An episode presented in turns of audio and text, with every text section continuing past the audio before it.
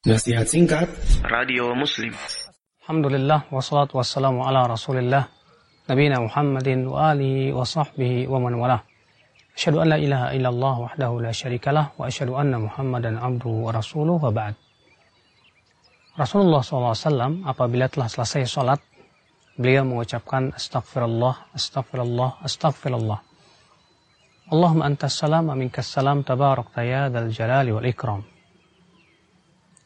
namun menjadi sebuah pertanyaan buat kita adalah mengapa setelah selesai sholat Rasulullah istighfar? Apakah sholat itu berarti dosa? Tentu tidak mungkin. Ya, tidak mungkin sholat dosa. Namun, ya, jawabannya adalah bahwasannya terkadang kita ketika sedang sholat ada sesuatu yang barangkali bisa merusak sholat kita. Mungkin ketika kita sedang sholat kita memikirkan sesuatu yang tak layak misalnya. Atau ketika kita sedang sholat mungkin tak terasa kemasukan apa namanya ketidak kurang kurang ikhlas misalnya.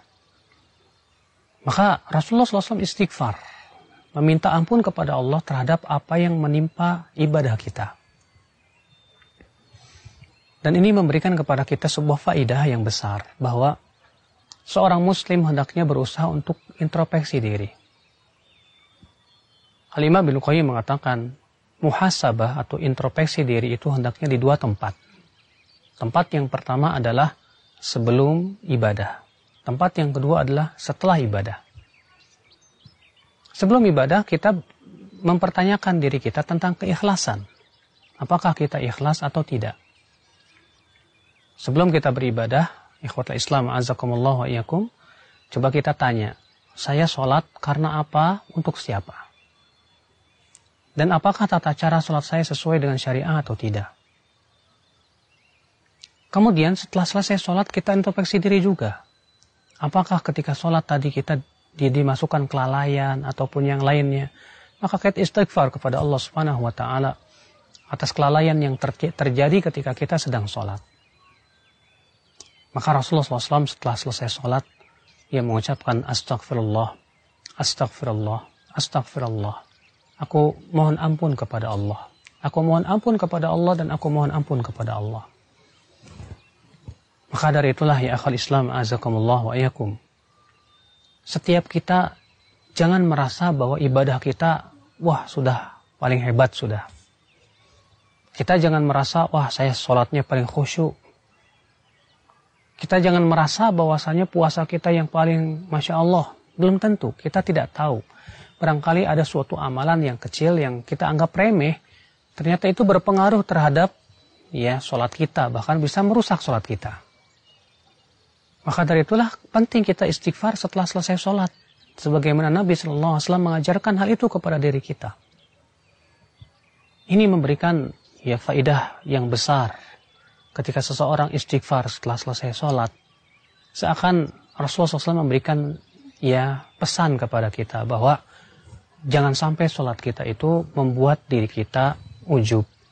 Jangan sampai kita merasa ya telah berbuat sebaik-baiknya di dalam sholat kita. Karena kita tidak tahu barangkali sholat kita belum sesuai dengan apa yang Allah inginkan dari kita. Maka kita banyak istighfar kepada Allah, ya kepada Allah Subhanahu wa taala Walaupun setelah selesai sholat ternyata. Ya kota Islam, azakumullah wa iyakum. Maka sebaik-baik hamba adalah ketika seorang hamba tersebut merasa khawatir sholatnya itu tidak diterima oleh Allah Subhanahu wa taala, tapi dia juga berharap ya, agar ibadahnya itu diterima oleh Allah Subhanahu wa taala. Sehingga seorang hamba itu di antara rasa khawatir yaitu khauf dan rasa berharap itu roja. Ya, orang yang tak takut, khawatir, rasa takut inilah yang menyebabkan dia akan selamat dari ujub. Dari merasa telah berbuat baik sebaik-baiknya. Orang yang berharap, harapan inilah yang menyebabkan dia ya berharap terus dan memberikan motivasi dalam kehidupannya untuk senantiasa beramal saleh akal Islam. Makanya subhanallah ternyata ya hikmah yang sangat agung yang bisa kita petik dari istighfarnya Rasulullah SAW setelah selesai sholat adalah seperti yang sudah kita sebutkan tadi. Akhal Islam, azakumullah wa iyakum.